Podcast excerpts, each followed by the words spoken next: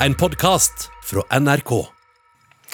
Ingen fredag uten fredagspanel, og det er nå samlet. Katrine Sandnes, redaktør i JM Stenersens forlag. Martin Eia Revheim, leder for eh, store prosjekter i Sparebankstiftelsen DNB, som bl.a. Kulturhuset Sentralen og ja, hva vi skal fylle Nasjonalgalleriet med. Karen Kristine Blågestad, kulturredaktør i Fedrelandsvennen i Kristiansand. God morgen, alle sammen. God morgen. Vi starter rett på med aller første tema. Gatekunsten måtte nemlig vike i Bergen sist helg. Bergen kommune malte over et veggmaleri ved en lekeplass som de selv hadde bestilt av den anerkjente gatekunstneren AFK. Maleriet var av en gammel jødisk-ortodoks mann som holder et Palestina-flagg i hånden, og han har et tøystykke med påskriften BDS på, på skulderen. Kampanjen for å legge press på staten Israel står det for.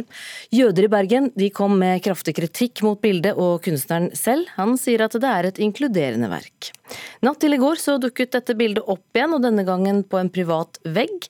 På en lekeplass der satte AFK opp et nytt maleri av en jente med sommerfuglvinger, og da ble kommunen fornøyd.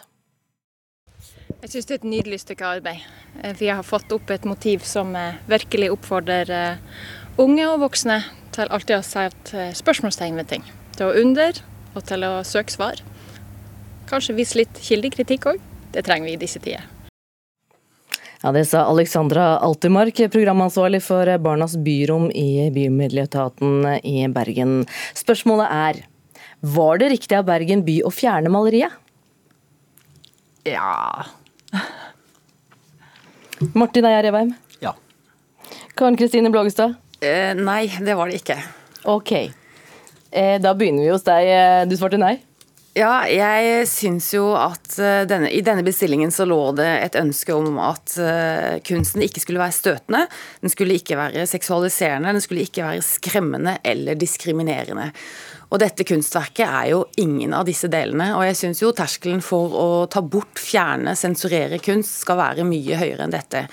Og det er jo sånn at eh, det å være kritisk eller stille spørsmål ved Israels maktutøvelse, det er ikke det samme som å være antisemittisk. Og det er jo sånn at det er ikke alltid de som blir krenket, som skal få definere hva en krenkelse er. Martin Eia Revheim, du var tydelig i andre enden. Du svarte ja. Jeg er ikke tydelig i noen ting. Jeg er nesten alltid enig med siste taler. Så jeg, jeg, jeg, tviler meg fram til ting, men i dette tilfellet ja. og det det handler om at uh, um, dette er en offentlig bestiller, Bergen kommune, til en offentlig sted, en lekeplass. Eh, så, så, kanskje ikke det er arenaen for de største kunstneriske spørsmålene, og i dette tilfellet politiske spørsmålet. Det er noe annet med private bestillere, tenker jeg. Så er det også sånn at Illustrasjonen er jo ikke synes jeg, direkte Israel. Det er ikke en representant for staten Israel, en politiker. Netanyahu det kanskje ikke holdt dette flagget, men uansett, det er liksom den generelle jøden. Attpåtil tegna på en måte som, som er jo en, en, den mest forfulgte og karikerte skikkelsen gjennom, gjennom mange hundre år. Så jeg, Det er lett for meg å forestille meg hvordan det hadde vært som jødisk far å komme og bringe og hente barna mine hver dag som det første og det siste jeg ser. Så jeg, jeg, jeg kan forstå det. Samtidig, altså Svaret ville jo vært nei ut fra altså, kunstens frihet. Det er noe annet også med gatekunst. fordi Gatekunsten er ikke så ambivalent og spørrende som den liksom, gallerikunsten. Du har ikke tid til det. Gatekunsten er mye mer som, som karikaturen. ikke sant? Den skal fange oppmerksomheten på ett sekund. Den er mye mer spissa. Eh, AFK, Aksel F. Knudsens kunst, er det. Ref. Listhaug på korset. Så jeg er ikke sikker på om barnehagen er den rette arenaen. Så tror jeg kanskje dette er litt i den andre enden igjen, med, med undring og sommerfugler. Kanskje det hadde finnes en god middelvei. men i dette tilfellet så forstår jeg reaksjonene. Katrine Sandnesen, litt tvilende, ja? Ja, jeg er, er prinsipielt enig i det uh, min kollega på Sørlandet uh, sier. Uh, men, men, men så Jeg er prinsipielt enig i at det er betenkelig, eh, men eh, pragmatisk enig i at, eh, i at plasseringen, som, Martin sier der, gjør det mulig, gjør det mulig å forstå. Og det, og det som er utslagsgivende for meg, det er tanken på altså et, Hvis et jødisk barn som går i denne barnehagen, føler at dette, opplever dette som truende, så skal man ha respekt for det.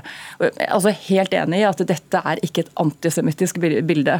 Jeg syns det er faktisk er litt rart og litt egentlig litt irriterende og provoserende at de trekker det, eh, bruker det argumentet for noe som, noe som er en ytring. Eh, ytring et, og jeg, opplever det også som en, som, et, som en mer spørrende og inkluderende ytring enn en, en provoserende ytring. Men, men jeg syns jo også at det, det, verket de har fått, fått opp, er kjempefint. Jeg tror for, for, barn. Og så har de flyttet det til et annet sted. Så det er ikke sånn at man har nektet sånn, sånn at man nekter eh, bildet eh, å eksistere. Så jeg, jeg syns at, synes at eh, byrådet i Bergen svarte ganske bra for seg i denne saken. Vi kan kanskje konkludere da med at, eh, at det ikke er verket i seg selv som, eh, som, er problemet, men plasseringen? Det var jo en litt klossete bestilling da, hvis de var så redde for noe som skulle være litt vast, eller noe som skulle stille noen spørsmål som var litt kritiske. Så syns jeg det er rart av Bergen kommune å henvende seg til denne gatekunsten, som jo har litt politisk kunsthistorie på CV-en. De burde vite hva de får. ja, det er noe med det. Vi, eh, vi tar der og bytter tema, for eh, der det går an nå, så flokker vi jo til kafeer, kinoer og konserter, og vi fyller opp eh, maksantallet som vi kan være. Men folk nøler nå med å bestille billetter til teater og til kulturhus. Vanligvis så sikrer folk seg billetter i god tid på forhånd, men ikke nå. Det viser en ringerunde som vi i NRK har gjort, bl.a. til lederen for Norske kulturhus, Nina Hodneland. Det er ikke ikke det store forhåndssalget for eh, august, september, oktober. Folk sitter litt på gjerdet, publikum er litt avventende. Er vi blitt så vant til å ta ting på sparket nå at vi har eh, helt glemt gleden med å se en eh, god forestilling, Martin Eier Revheim? Ja. Nei. Karen Kristine Blågesø? Nei, jeg tror heller ikke det. Men jeg skjønner jo at folk eh, nøler litt nå. Og Så tror jeg jo at lettelsene i smitteverntiltakene kommer litt sånn i feil sesong. For at nå tror jeg vi har sittet inne en hel vinter og vært isolert og ensomme og sett på serier og sånn. Nå vil vi ut i været og ut i byen og i store folkehav og ut i naturen og ut i kulturen og alt det der. Men litt sånn ute, da. Det er jo vår og sommer og eh, Det er litt sånn eh, følelse og litt sånn behov tror jeg folk har. Ikke inne i de røde salongene.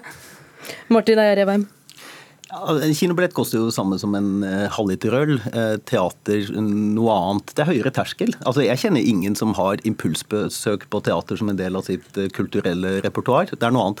Det er fryktelig mye hosting i teater òg, da. Hvis du ser hvor mange hostninger, det er mange hundre hosteganger du gjør i Hedda Gavli versus en Avengers-film, så er det kanskje et tryggere sted. På den annen side ser du gjennomsnittsalderen til teaterpublikummet, så kan du kanskje si at det er det tryggeste stedet i Norge, all den tid de kanskje er fullvaksinerte, jeg vet ikke. Men, men nei, altså det, det det er høyere terskel, så jeg har ikke bestilt noe teaterbillett ennå. Jeg kommer til å gjøre det. Katrine Sandnes? Helt, eh, helt, enig. Eh, helt enig i det begge, begge, sier. Det ene er at eh, altså nå Jeg merker, merker det jo selv at jeg, jeg, jeg klarer ikke helt å forstå at det har åpnet opp. Så at jeg sitter, sitter, litt sånn Jeg blir liksom overrasket over at det er mulig, det er mulig å, å, gå ut og spise eller gjøre noe man ikke har planlagt. Gå et sted man ikke har vært det siste året. Eh, og, så, og, når man da først kan møtes, så vil man jo møtes utendørs, eh, utendørs og gjøre andre ting. Og så, og så, så, merker jeg jo hvert fall for min egen del når det gjelder det å, å, bestille ting, så tenker jeg at det skal jeg gjøre til høsten. Eh, og også vente og se om det fort, faktisk er åpent til høsten. Fordi, fordi man... ja, vi, vi, tror ikke helt på det nå. Men Det blir jo spennende å se om pandemien har endret vår eh, måte å være sammen på. Ikke sant? Nå, Store folkemengder nå får du litt sånn aversjon mot. Eh, det å klemme når du møter noen og alt dette, altså hvor intime vi skal være med hverandre fremover, det blir litt spennende å se. Vi benytter eh, den anledningen til eh, å gå videre til eh, tredje og siste tema i Fredagspanel, for der er bl.a. også hvem man kan være intim med en detalj.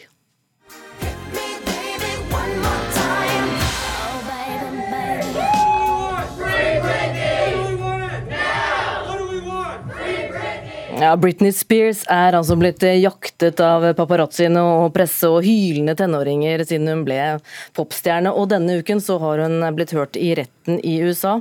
Hun eh, forsøker å få tilbake kontrollen over formuen og, og livet sitt etter at faren har vært vergen hennes i 13 år. Free Britney-bevegelsen, eh, som eh, fanskaren hennes står bak, har vært med på å gi denne saken en enorm oppmerksomhet.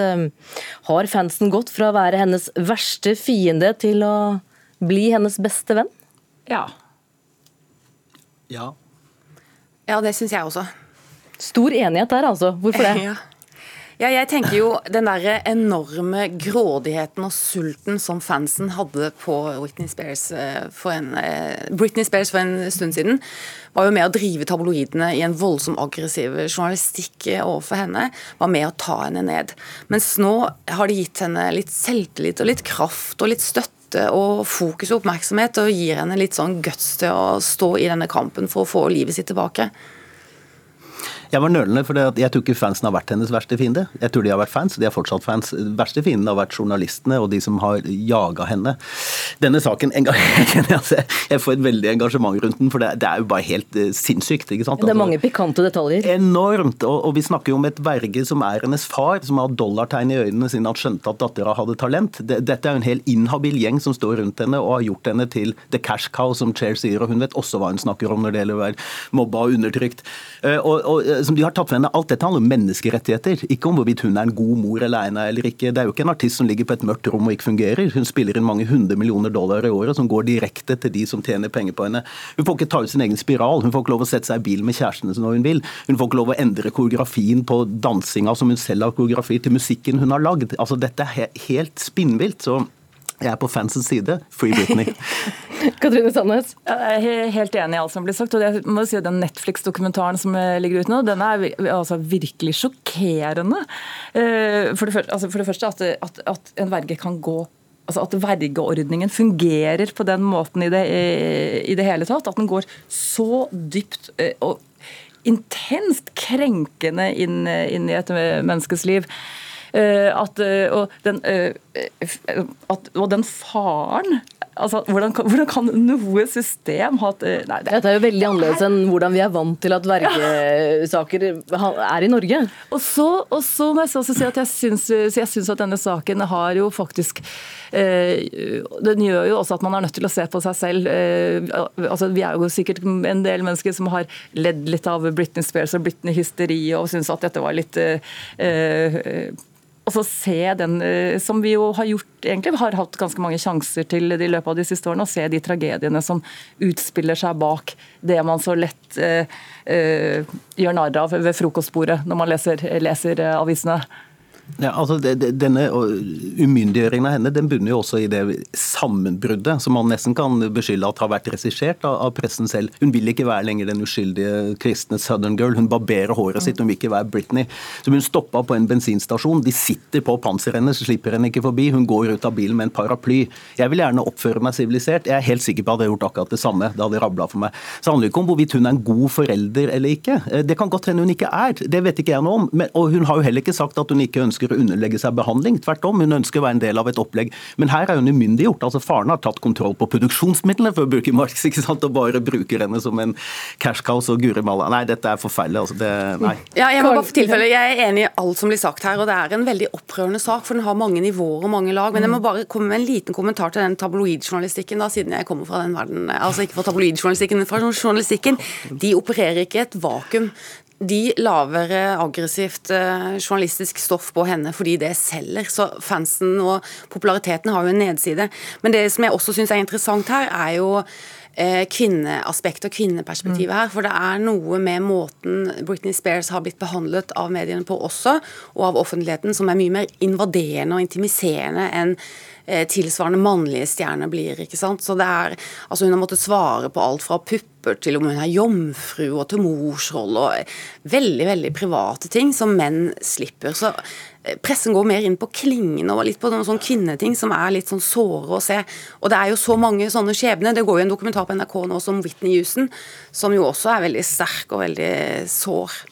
Men det finnes ikke en dokumentar om en mannlig artist som har blitt fratatt alle sine rettigheter. ikke sant? Så Den, den, den, den finnes ikke. Og hun har heller ikke noe handlingsrom. Pussig nok, altså Hun kommer fra det samme Disney-universet som Miley Cyrus, men hun kan stå og røyke nesten uten klær på en scene. Hun kan bruke de virkemidlene hun vil for å være den artisten hun vil. Heldigvis finnes også det handlingsrommet. Det har ikke Britney, og det burde hun ha.